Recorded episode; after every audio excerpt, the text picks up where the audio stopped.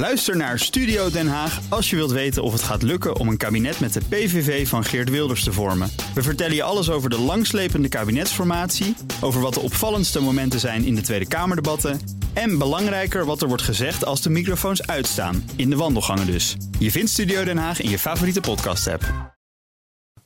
De column van Bernard Hammelburg. Als een gek een slachtpartij aanricht onder Joden in Pittsburgh, of als een andere gek bompakketten verstuurt naar tegenstanders van Donald Trump, is dat het gevolg van haatzaaierij of voelen die gekken zich geïnspireerd of aangemoedigd door de president? Je kunt zeggen: niemand wordt racist of antisemiet, dat ben je of ben je niet. Je kunt ook zeggen: iedere democratie heeft niet voor niets wetten tegen haatzaaien, maar wat is haatzaaien precies?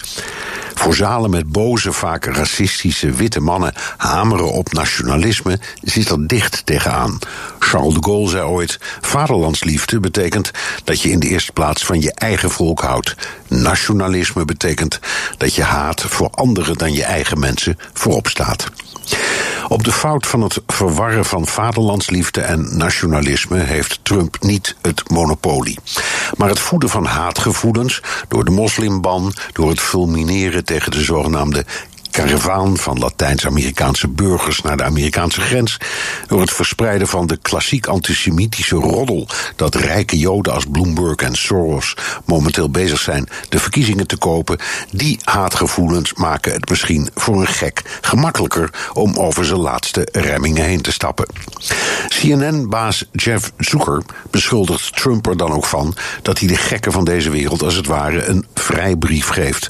Maar ook dat is een gevaarlijk standpunt je kunt Trump moeilijk verwijten dat hij de bommengek en de antisemitische moordenaar tot hun misdrijven heeft aangezet.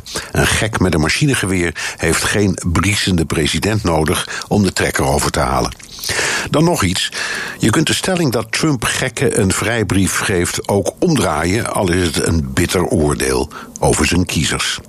Het geldt voor al die opmerkelijke politieke leiders die boven komen drijven, van Polen tot Oostenrijk tot Hongarije tot Italië tot Brazilië tot Amerika. Allemaal democratische landen waar kiezers hun leiders een mandaat geven op basis van nepnationalisme, dat, het is wat het is, wel degelijk stoelt op vreemdelingenhaat, racisme, antisemitisme en een hetze dat de echte gek de politicus of burger is die het lef heeft de medemens als gelijkwaardig te beschouwen.